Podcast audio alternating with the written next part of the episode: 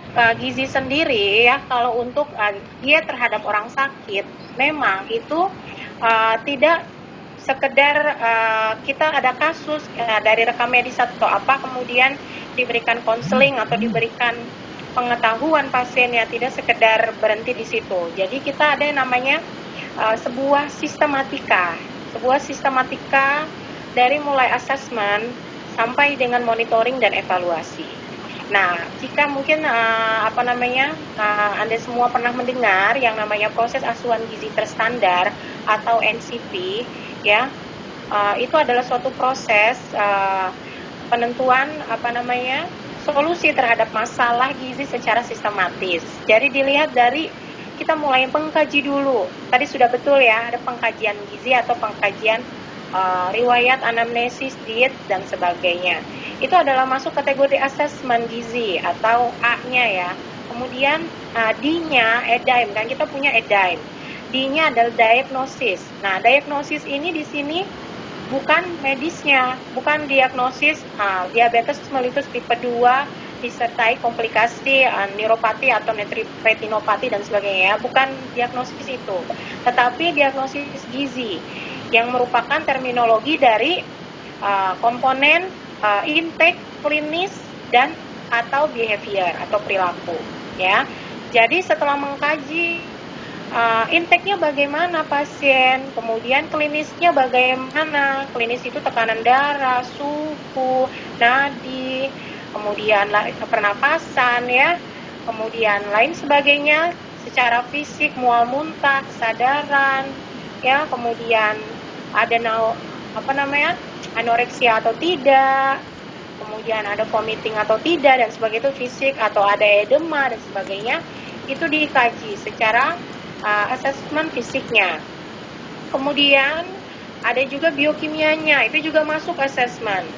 Jadi asesmen itu sendiri ada ABCD atau antropometri, biochemical, ya, klinik, clinical, kemudian dietary. Jadi ABCD, jadi ABCD untuk assessment ya. Setelah semua assessment itu terpenuhi, lalu ahli gizi itu lanjut ke tahap berikutnya yaitu diagnosis gizi. Nah, diagnosis gizi di sini sangat penting karena sebelum ahli gizi memberikan dietnya apa, jenis dietnya apa, bagaimana cara memberikannya, frekuensinya, rute pemberiannya, itu harus ditentukan terlebih dahulu diagnosis gizinya. Nah, contoh dari diagnosis gizi, ya. Kalau dari kasus tadi Anda katanya uh, asupan karbohidratnya berlebih sehingga harus diturunkan karena hiperglikemia. Maka harus prinsip diet rendah karbohidrat tadi saya dengar ya. Berarti apakah ada bukti atau evidence dari dietnya dia uh, kelebihan karbohidrat atau kondisi lain sehingga dituliskan di diagnosis gizi misalnya uh, asupan karbohidrat berlebihan berkaitan dengan hiperglik uh, penyakit uh, diabetes mellitus tipe 2 ditandai oleh tandai oleh apa? Asupan karbohidrat sekian-sekian ya dalam uh, sehari berapa begitu. Itu adalah suatu model asuhan gizi. Atau uh, diagnosis gizi juga bisa dibuat misalnya. Pasiennya tadi kan uh, apa namanya masuk ke rumah sakit dengan lemas kondisinya ya. Sebelum masuk rumah sakit pun sudah sakit sudah tidak enak badan ya. Sehingga asupan makannya sangat rendah. Nah asupan makan yang sangat rendah setelah dihitung energinya kemudian kontribusi karbohidrat protein dan lemak terhadap energi itu maka dia bisa ketahuan asupan oral tidak adekuat misalnya. Asupan oral tidak adekuat berkaitan dengan penurunan nafsu makan, mual dan muntah ditandai oleh ya energi sekian sekian kilokalori, kemudian karbohidrat berapa persen dari kebutuhan sehari, protein dan lemak berapa persen. Nah, itu adalah satu model diagnosis gizi. Kemudian setelah diagnosis gizi baru kemudian ditentukan intervensi gizi. Tadi sudah betul ya ada intervensi gizi. Intervensi gizi terdiri dari apa saja? Terdiri dari jenis macam diet, tujuan diet, syarat diet, preskripsi diet yang terdiri dari uh, rute pemberiannya oral, enteral, parenteral atau kombinasi dari jenisnya. Kemudian konsistensi makanan. Konsistensi makanannya makanan uh, makanan cair, saring, lunak atau biasa. Ya. Modelnya seperti itu. Kemudian setelah intervensi gizi, selain diet, intervensi juga bisa melalui konseling. Bisa melalui uh, media edukasi gizi jika pasien sudah rawat jalan misalnya. Kalau masih rawat inap, diberikan konseling gizi dengan leaflet misalnya kepada keluarga yang menjaga untuk menyemangati pasien agar pasien mau makan, agar pasien mendapatkan cukup asupan gizi dari makanan yang disediakan di rumah sakit. Ya. Nah, setelah intervensi gizi ada monitoring dan evaluasi gizi. Monef gizi ini itu terdiri dari komponen yang diakses, yang dinilai, jadi kalau ada antropometri, biokimia, klinis dan dietary ya, termasuk perilaku di dalamnya, maka bisa dimonef ya selama perawatan baik itu inap maupun rawat jalan. Nah, jadi gambarannya seperti itu. Jadi ternyata membuat suatu pengkajian terhadap kasus dan asuhan gizi itu ada standarnya ya. Sehingga memang profesional di uh, gizi juga ada uh, apa namanya? Uh, namanya ya profesionalnya itu ada wewenangnya. Jadi ada apa namanya tidak sembarangan kita bikin uh, kasus terus kita berikan kepada pasien begitu saja. Jadi harus dipantau oleh supervisornya juga seperti itu. Nah bagaimana dengan apa namanya uh, anda semua ya yang sejawat dari keperawatan tentunya penting untuk mengetahui uh, mengetahui gambaran umum tentang pemberian diet bagi pasien ya. Gambaran umum tata laksana diet bagi pasien dengan penyakit tertentu. Kenapa? Karena tentunya siapa pun yang berada di apa namanya tengah-tengah pasien ya di sekitar pasien akan mendukung peningkatan kualitas hidup ya dan mencegah lama rawat inap. Kalau dia dirawat inap. Kalau dirawat jalan maka membantu menyukseskan tujuan dari uh, pemberian uh, rawat jalan tersebut ya kak. Kalau terkait gizi ya rujukan gizi. Kalau terkait masalah nursing ya keperawatannya begitu ya. Jadi kita semua sama-sama uh, perlu mengetahui secara umum ya. Nah tadi saya perhatikan untuk um, literaturnya ya. Saya mau komen dulu yang umumnya ya sebelum kita masuk ke materi. Jadi untuk literatur yang Anda acu itu sudah bagus ya. Semua itu masih representatif. Namun ya dibiasakan untuk mencari yang terupdate ya. Yang terupdate di samping itu juga carilah literatur yang bersifat sudah disepakati Nah, dalam hal ini adalah yang sudah dikonfirmasi dan disetujui oleh semua uh, pihak yang berkepentingan ya. Misalnya yang terkait ya, endokrinologi di sini adalah perkeni ya. Diabetes termasuk ke dalam bagian endokrinologi kalau di rumah sakit sehingga nanti perkeni yang mempunyai wewenang untuk mengeluarkan konsensus Ya, di sini konsensus yang tadi dipakai itu masih 2006 ya. Ibu sudah share ke Luli itu untuk konsensus yang 2015. Nah, meskipun masih dipakai sebagian tapi ada yang diperbaharui dan kita perlu mengikuti yang diperbaharui ya. Begitu. Itu satu. Kemudian kalau informasi teori dari per orang atau per ahli ya, kayak tadi Cokro Prawiro atau siapa dari luar negeri Anderson atau siapa ya yang masing-masing per orang tahunnya itu juga tahunnya lumayan lama ya. Ada 2002, 2090-an dan dia. Nah, itu kita perlu apa namanya? cari benang merahnya dan yang dibutuhkan kasus itu apa? Yang paling sangat terkait dengan kasus. Jadi kalau terlalu banyak yang disampaikan teorinya, tapi tidak mengambil benang merah yang kasus butuhkan apa, nanti kita fokusnya uh, terpencar begitu ya. Jadi not untuk uh, kelompok satu dan juga kelompok lain yang belum presentasi ya, uh, perhatikan literatur harus cari yang ter uh, kini ya. Diusahakan tidak lebih dari 10 tahun terakhir atau lima tahun terakhir kalau penelitian ya. Begitu. Itu satu Kemudian uh, untuk uh, perbedaan antara diet kasus dan yang teori, ya sudah bagus Anda mengidentifikasi apa bedanya yang dari diberikan di kasus dengan teorinya, ya. Secara umum perbedaannya tidak terlalu besar, tetapi tadi ada yang tentang protein.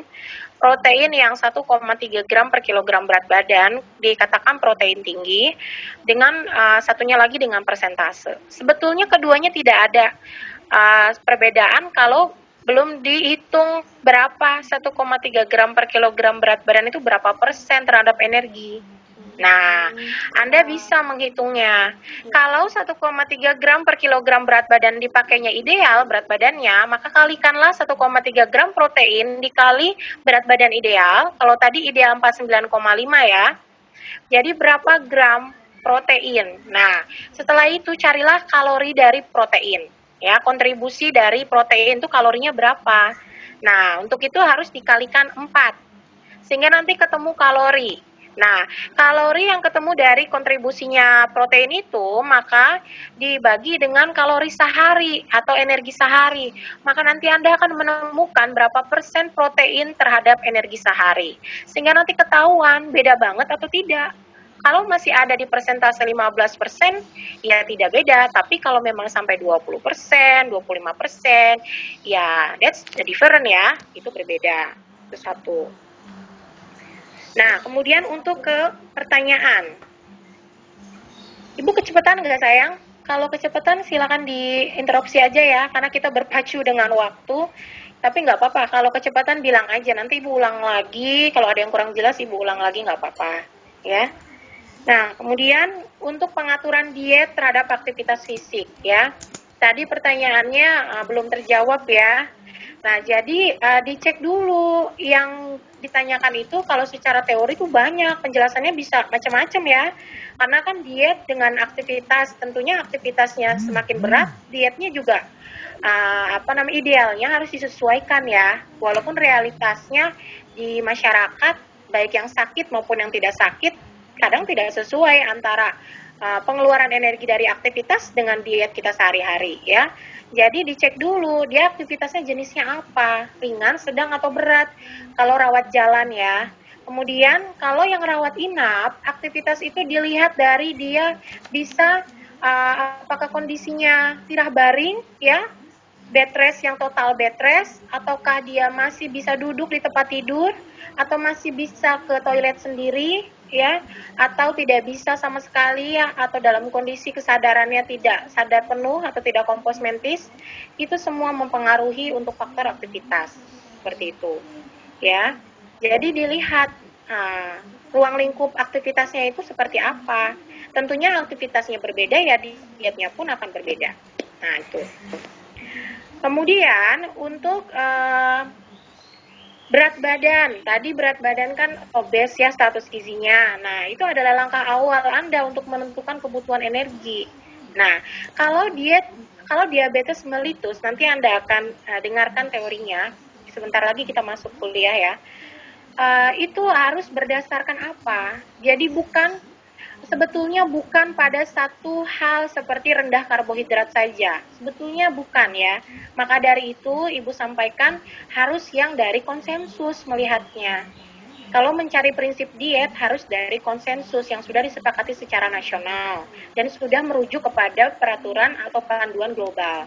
Nah, kenapa? Karena berat badan pasien DM mungkin berbeda-beda. Ada status gizi underweight, ada yang normal, ada yang overweight atau obes. Nah, DM dengan kondisi status gizi yang under, normal atau obes itu berbeda pemberian kalorinya. Ya. Secara umum kita bisa bagi antara dari mulai kalori dia di bawah 1500 1500 sampai 1700 sampai dia di atas 1700. Nah, kalau obes maka ada penurunan kalori. Nah, tapi kalau underweight kebalikannya. Jadi kalori uh, diet DM-nya mungkin lebih besar. Ya, memang seharusnya lebih besar begitu. Nah, itu dari kalorinya. Kemudian bagaimana Bu kalau kita sudah menentukan kalorinya tapi kan belum tentu pasien bisa makan. Nah, dicek lagi kondisi klinisnya, kondisi fisiknya, daya terima secara oral, daya terima secara apa namanya kesadarannya bagaimana sehingga pemberian diet harus bertahap. Tidak boleh Anda menjudge pasien DM yang obes ya, kena obes ya DM maka makannya harus pokoknya segini dikit. Nanti dia makin stres. Dia makin ngerasa saya sudah sakit, sudah dirawat atau baru pulang dari rumah sakit, sudah harus makan diet seperti orang sakit lagi begitu kan? Karena sebetulnya diet DM itu adalah diet pengelolaan sepanjang hidup ya, bukan uh, menjudge individu itu penderita atau sakit, tetapi penyandang. Sehingga kita harus bisa membuat mereka tetap nyaman ya, nyaman senyaman mungkin. Jadi pemberian dietnya pun tidak selalu harus saklek, pokoknya kalau obes berarti rendah kalori. Nah, itu rendah kalorinya harus secara bertahap. Harus ada penyesuaian tiap minggu, tiap bulan. Nah, itu diperlukan pemantauan oleh ahli gizi seperti itu. Jadi itu gambarannya ya untuk apa yang saya bisa ini kan kalau 3J 3J itu adalah jenis jumlah dan jadwal. Kenapa harus 3J? Karena DM itu tidak sekedar persoalan makan. Ya. Ada pengobatan di sana. Bagi yang masih belum terkontrol glukosa darahnya, dia harus tetap menerima obat misalnya metformin dan jenis lainnya, ada jadwal pemberian obat dan ada efek bertahannya obat terhadap kadar glukosa darah.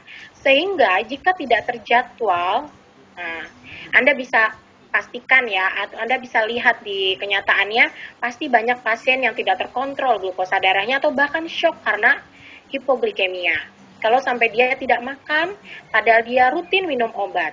Ya, begitu. Kalau yang sudah tidak minum obat, maka jadwal makannya juga harus benar-benar disertai dengan jenisnya yang sesuai dengan kalorinya. Kemudian setelah itu jenis, jumlah dan jadwal itu semua harus di uh, apa namanya?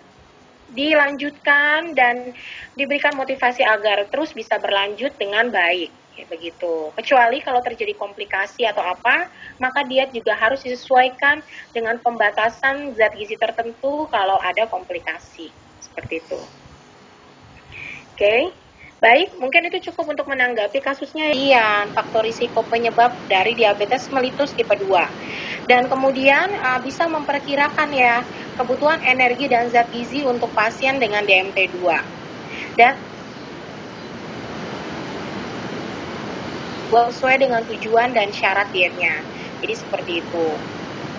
Nah, kalau secara global ya, uh, mungkin ini tidak terlalu baru, tetapi masih dikatakan representatif ya untuk uh, melihat bahwa di dunia itu uh, di Indonesia sendiri menempati posisi yang lumayan uh, apa namanya mengkhawatirkan ya untuk uh, cukup tinggi begitu ya, dan kasusnya juga cukup banyak.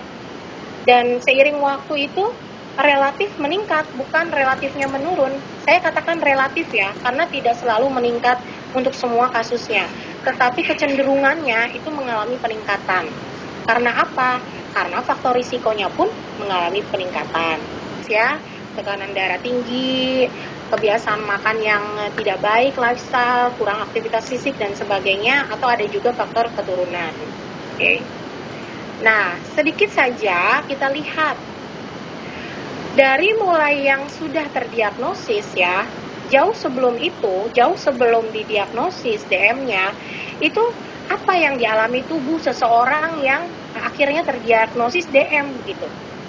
Ternyata sebelum itu tubuhnya itu uh, ada perjalanan yang namanya bisa mengalami prediabetes. Prediabetes itu apa sih Bu?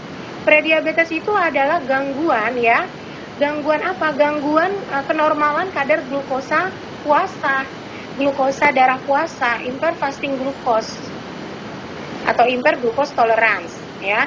Jadi di sana kalau individunya misalnya seseorang di keluarganya ada yang DM ayah atau ibunya atau kerabatnya ya yang langsung.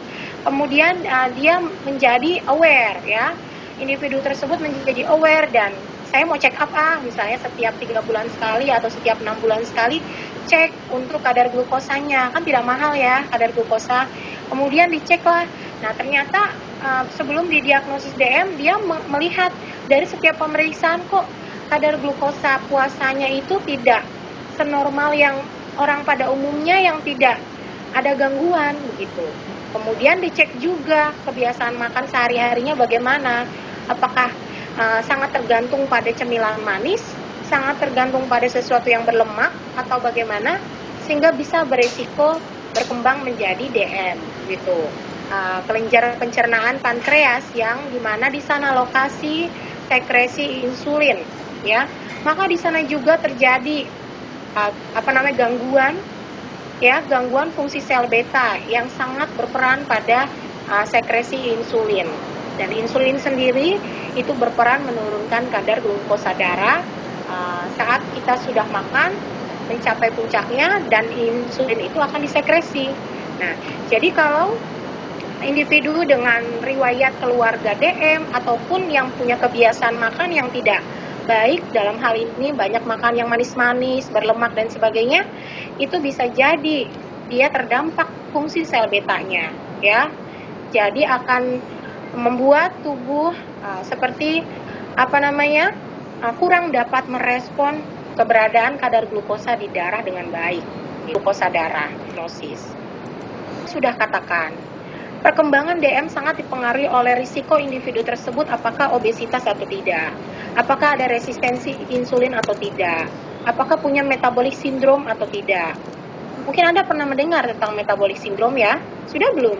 Metabolic syndrome jadi kita ini tinggal 8 menit lagi ternyata ya nanti teori. Nanti kalau lebih ke gizinya mungkin yang uh, butuh uh, apa namanya uh, penjelasan langsung dari saya kan. Jadi nggak apa-apa. Ada yang keluar loh lumayan banyak. Dari adalah uh, untuk diagnosisnya. Jadi diagnosisnya itu uh, dilihat dari gejala. Jadi dia simptomatik atau asimptomatik ya. Biasanya kalau DMT2 itu nggak selalu simptomatik, nggak selalu ada gejala kayak yang uh, poliuria, polifagia, polidipsia yang seperti itu, tapi lebih kepada kadar glukosanya ya.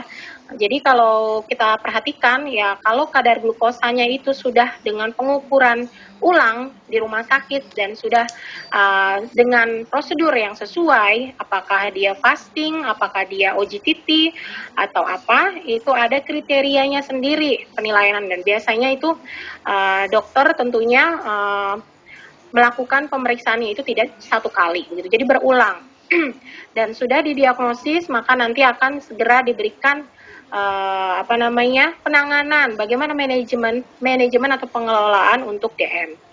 Nah, kita lihat kalau secara komplikasi, jadi DM itu kan ada yang terkontrol dan tidak terkontrol kondisinya. Kalau yang terkontrol itu uh, relatif resiko terhadap komplikasinya itu rendah walaupun bukan berarti tidak bisa terjadi komplikasi ya. Kalau yang tidak terkontrol inilah yang bisa berkembang menjadi DM komplikasi seperti DM yang neuropati gangguan fungsi saraf ya atau retinopati atau nefropati ya yang ginjal dan sebagainya. Atau mungkin yang komplikasi mikrovaskular ya atau stroke dan sebagainya. Banyak sekali. Nah, itu semua sangat-sangat berkaitan dengan kadar glukosanya. Jadi kalau hiperglikemia itu masalah akan muncul. Tidak lama ya. Tidak perlu menunggu lama itu akan sangat akut biasanya ya. Kalau hiperglikemia tidak tertangani, kemudian pasien itu akan mendapatkan uh, apa manifestasi klinis atau masalah-masalah kesehatan yang dirasakan nanti biasanya akan cepat-cepat menghubungi dokternya atau langsung ke rumah sakit untuk cek dan sebagainya. Kemudian uh, selain hiperglikemia, jangan keliru juga ya kalau hipoglikemia juga bisa berdampak terhadap uh, masalah kesehatan ya, bisa sampai uh, shock juga ya, bisa bisa sampai menimbulkan kematian juga, kehilangan kesadaran dan akhirnya kematian.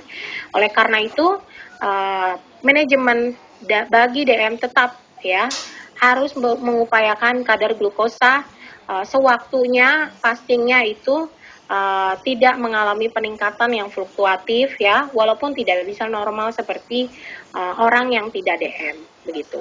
Itu ada kriterianya. Kriteria untuk diagnosis dan kriteria untuk glycemic control istilahnya adalah kontrol glikemik begitu ya. Pusing wabu banyak sekali ini apa saja dalam bahasa Inggris semua ya. Tidak apa-apa karena banyak sekali literaturnya. Nanti Anda bisa pakai literatur yang lain juga yang memang bahasa Indonesia, silahkan. ini untuk memberikan satu pack ya, satu uh, pack assessment gizi ini seperti ini. Tadi saya sudah sampaikan di awal. Ada dari uh, status gizinya, antropometri, bisa dilihat di sini antropometri, kemudian riwayat terkait dietnya, terkait gizinya, biokimia, personal, ya, mungkin sosial ekonomi, atau daya dukung secara psikologis, ya, akses pangan dan sebagainya. Atau mungkin perilaku terkait pemilihan makanan, terkait gaya hidup, atau terkait kebiasaan merokok, konsumsi alkohol, dan sebagainya. Itu perlu dikaji. ya. Nah, gambaran umumnya, jadi DM adalah kumpulan gejala yang timbul pada seseorang yang mengalami peningkatan kadar glukosa darah akibat kekurangan hormon insulin secara absolut atau relatif. Itu definisinya dan menata laksanaan dia hendaknya disertai dengan latihan jasmani dan perubahan perilaku tentang makanan. Gitu. Kita baru sampai gambaran umum ya. Tapi selain bersifat absolut maupun relatif. Sebentar. DM itu apa saja? Nah, kira, diperkirakan bukan diperkirakan lagi ya. Maksudnya diperkirakan itu um, setiap pasien itu unik jadi kita harus menentukan diet bagi pasien itu bersifat individualized atau unik atau khusus untuk setiap pasien. Walaupun uh, harus memperhatikan kekhususan dari setiap pasien, tetapi secara umum ada uh, secara umum ada tiga tujuan dari diet DM. Yang pertama adalah mempertahankan kadar glukosa darah agar mendekati normal. Dengan cara apa? Dengan menyeimbangkan asupan makanan dengan insulin endogen atau eksogen dengan obat penurun glukosa oral dan aktivitas fisik. Nah, tadi sudah saya sampaikan ya, jadi uh, diet itu harus memperhatikan pemberian obat itu bagaimana, kemudian aktivitas fisik yang bisa dijalani oleh pasien itu apa, seperti apa tingkat aktivitas fisiknya. Nah, kemudian yang kedua, mencapai dan mempertahankan kadar lipid serum normal. Kenapa harus lipid? Nah, tadi kaitannya gorengan dengan makanan bersantan ya, sudah bisa dijawab di situ. Karena uh, lipid itu nantinya akan sangat terkait dengan apa? Jika seseorang mengonsumsi uh, diet uh, apa namanya lemak dari makanan ya, lemak makanan yang dalam hal ini kalau dalam tubuh kita itu istilahnya trigliserida ya, trigliserida berlebih, maka apa namanya itu nanti dapat berdampak kepada apa? kemungkinan-kemungkinan dari mikrovaskular complication atau nanti ada uh, pembentukan plak di pembuluh darah dan sebagainya. Kemudian asupan karbohidrat sendiri dari makanan sehari-hari itu nanti sangat mempengaruhi kadar lipidnya juga. Jadi nanti kalau kelebihan makan karbohidrat tidak selalu uh, nanti dia menjadi glukosa ya. Ada sebagian itu yang bisa apa namanya berubah menjadi simpanan lemak begitu. Jadi ada yang dapat disimpan menjadi lemak sehingga nantinya juga akan memberatkan kondisi pasien. Sehingga kita harus melihat uh, lipid itu uh, standarnya DM itu harus diperhatikan agar jangan sampai terjadi komplikasi-komplikasi ke penyakit lainnya. Kemudian yang ketiga, memberi cukup energi untuk mempertahankan atau mencapai berat badan normal. Sebentar, saya lihat partisipan ada yang oke. Okay.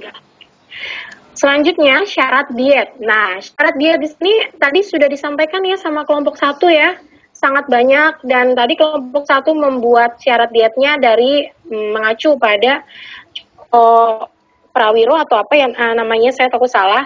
Uh, intinya dari uh, personal ya dari uh, seorang ahli atau yang mengkaji begitu uh, atau hasil penelitian mungkin atau apa saya tidak tahu untuk pustakanya. Uh, namun kalau syarat diet di sini yang sudah di apa namanya setujui secara global ya, secara umum energi itu harus sesuai kebutuhan. Satu. Jadi status gizinya apa, maka segitulah energi yang dibutuhkan. Kalau status gizinya underweight, itu status gizinya tentu eh, status gizi sorry energinya tentu harus ditambah dari yang aktual dia konsumsi. Kemudian kalau normal bagaimana dan kalau uh, overweight atau obes harus dikurangi sedikit secara bertahap bagaimana begitu. Kemudian protein cukup dalam hal ini 10 sampai 20%, kemudian lemak sedang 20 sampai 25% dari kebutuhan energi total dan ada keterangan kurang dari 7%-nya harus berasal dari lemak jenuh. Dan 10% sampai 15% lemak tidak jenuh. Jadi tidak boleh lebih dari 7% rekomendasinya. Ya. Kenapa? Karena tadi untuk mempertahankan kadar lipidnya agar tidak sampai uh, meningkat ya di di luar batas normalnya. Sehingga rekomendasi anjurannya diusahakan kalau lemak jenuh itu kurang dari 7%. Dan 10 sampai 15 persennya berasal dari lemak tidak jenuh. Nah, mungkin Anda sudah familiar ya istilah lemak jenuh, lemak tidak jenuh. Sudah belum? Kira-kira. Atau ada yang mau ditanyakan lemak jenuh itu seperti apa, Bu? Lemak tidak jenuh itu seperti apa? Bagaimana? Dibuka aja speakernya yang mau berbicara. Alpukat, ya sih? Alpukat, terus bisa membedakan antara lemak jenuh dan lemak tidak jenuh? Kalau lemak jenuh, lemak yang eh Nah, kemudian dari da daging itu ada bagian lemaknya ya. Daging merah yang ada bagian lemaknya gaji ya. Itu juga termasuk lemak jenuh.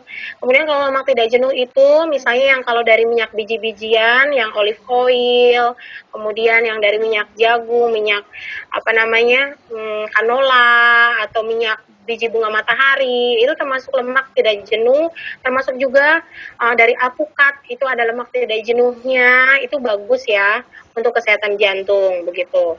Ya bukan berarti lemak jenuh tidak dibutuhkan. Lemak jenuh juga tetap dibutuhkan oleh tubuh ya. Karena struktur pembangun membran sel kita terdiri dari kolesterol terdiri dari lemak jenuh dan juga lemak tidak jenuh.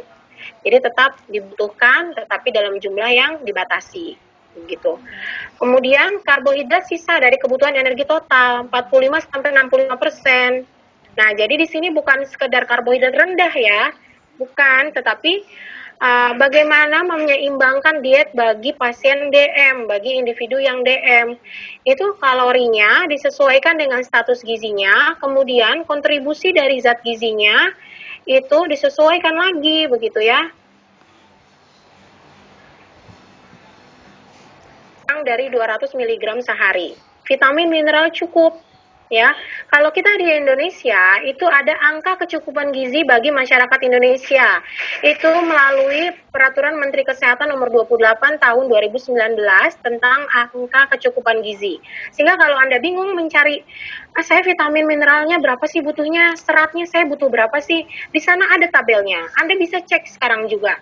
Kalau misalnya mau tahu ya, saya butuh serat berapa, cek jenis kelaminnya, cek usianya, ya. Maka ketemulah energi, protein, lemak, karbohidrat, serat, vitamin, mineral yang dibutuhkan untuk usia dan jenis kelamin tertentu ya. Tetapi kalau yang penyakit ada penyakit tentunya harus disesuaikan lagi. Kalau individu DM-nya tidak ada komplikasi, tidak ada masalah ginjal, tidak ada masalah fungsi hati, maka it's okay diberikan seperti standar pada orang sehat. Tetapi kalau ada komplikasi ginjal seperti nefropati, ya ada uh, apa namanya hiperkalemia, ada hiperfosfatemia, ada hipovitamin uh, vitamin D, misalnya vitamin D-nya kurang atau apa, maka kebutuhan vitamin dan mineralnya tentunya disesuaikan seperti itu. Kemudian garam, garam dalam hal ini natriumnya.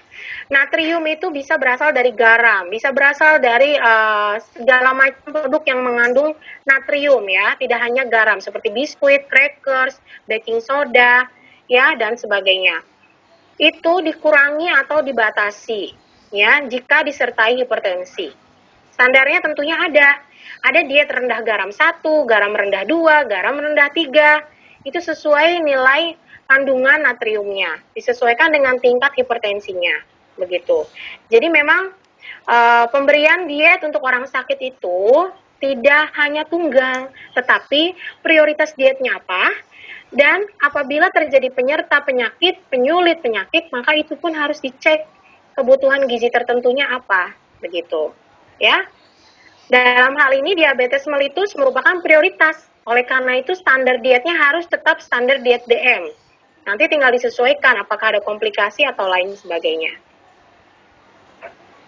Kemudian serat cukup, terutama serat laut air karena ini sangat berperan terhadap uh, pencegahan uh, peningkatan kadar kolesterol ya, serat laut air seperti yang ada di oat beta glukan, yang ada di pisang pektin, yang ada di apel ya. itu serat larut air yang dapat membantu menurunkan kadar kolesterol seperti kolesterol total dan LDL kolesterol. Tetapi kalau serat uh, tidak larut air, itu yang serat kasar, dia yang dapat membantu melancarkan pencernaan atau defekasi, begitu. Jadi fungsinya berbeda. Kemudian gula untuk bumbu diperbolehkan, tetapi gula yang langsung digunakan untuk minuman itu dibatasi.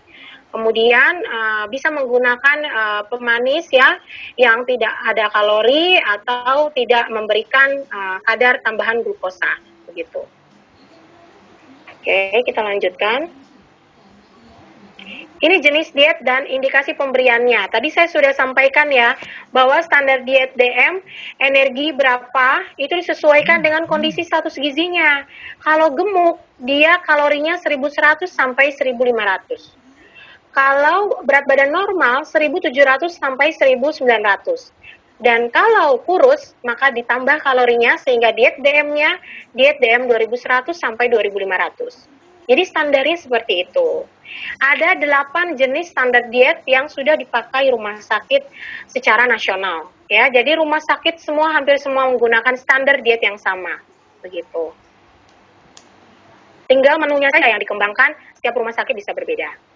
Ini adalah bahan makanan yang dianjurkan, diutamakan karbohidratnya adalah karbohidrat kompleks atau yang uh, membutuhkan waktu untuk dicerna sehingga tidak apa?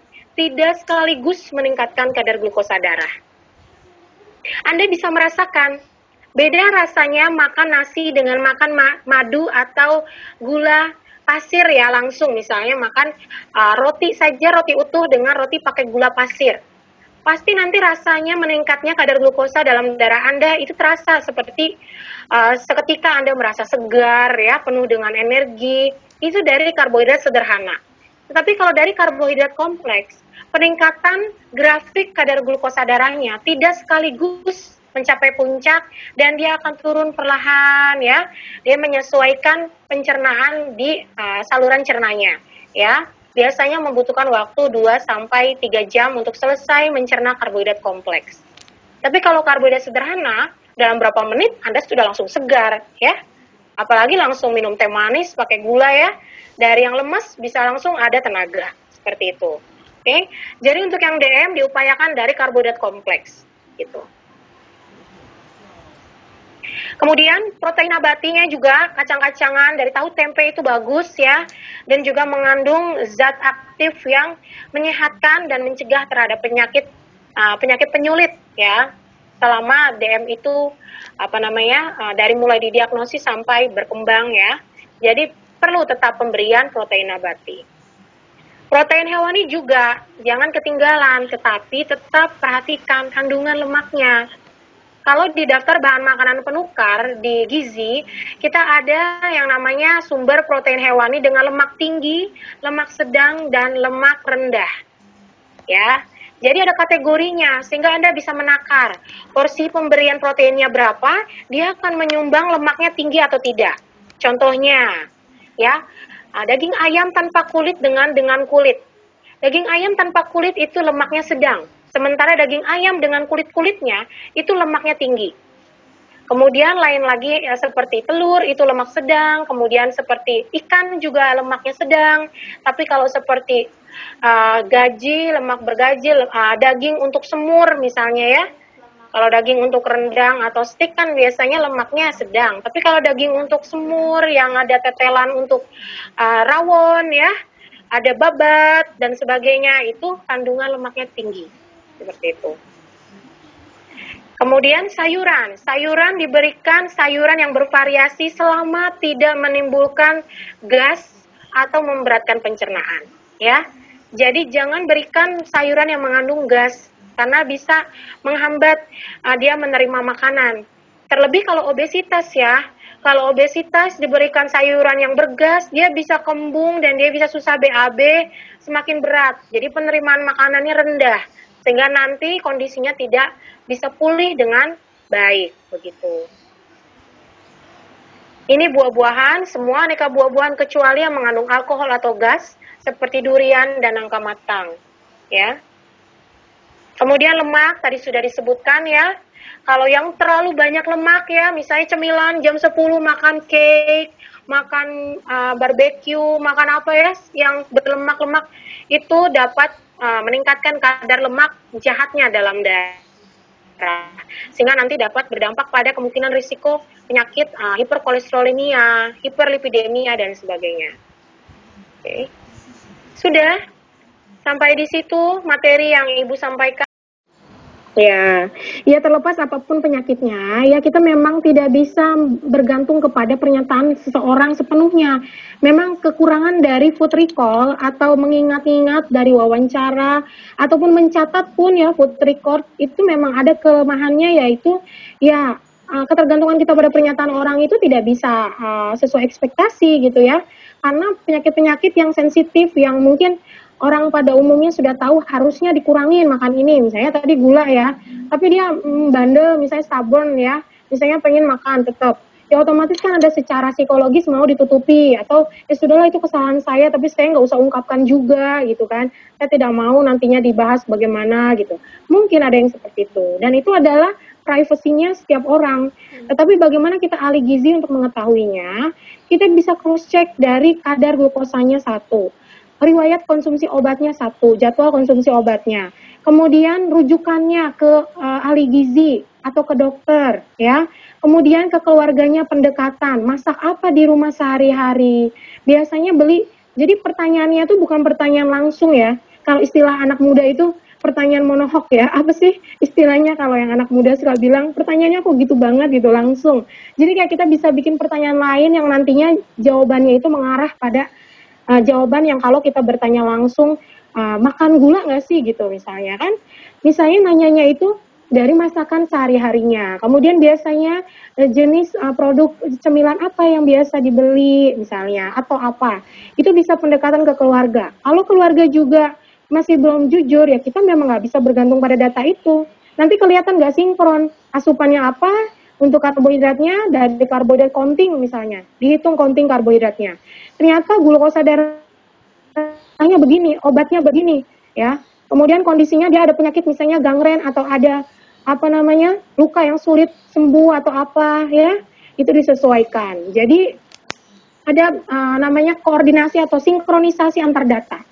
Jadi pengkajian gizi tidak bisa bertumpu pada asupan, tetapi juga pada data biokimia, data klinis, data fisik, Nah, sehingga bukti yang lebih konkret itu dapat kita peroleh.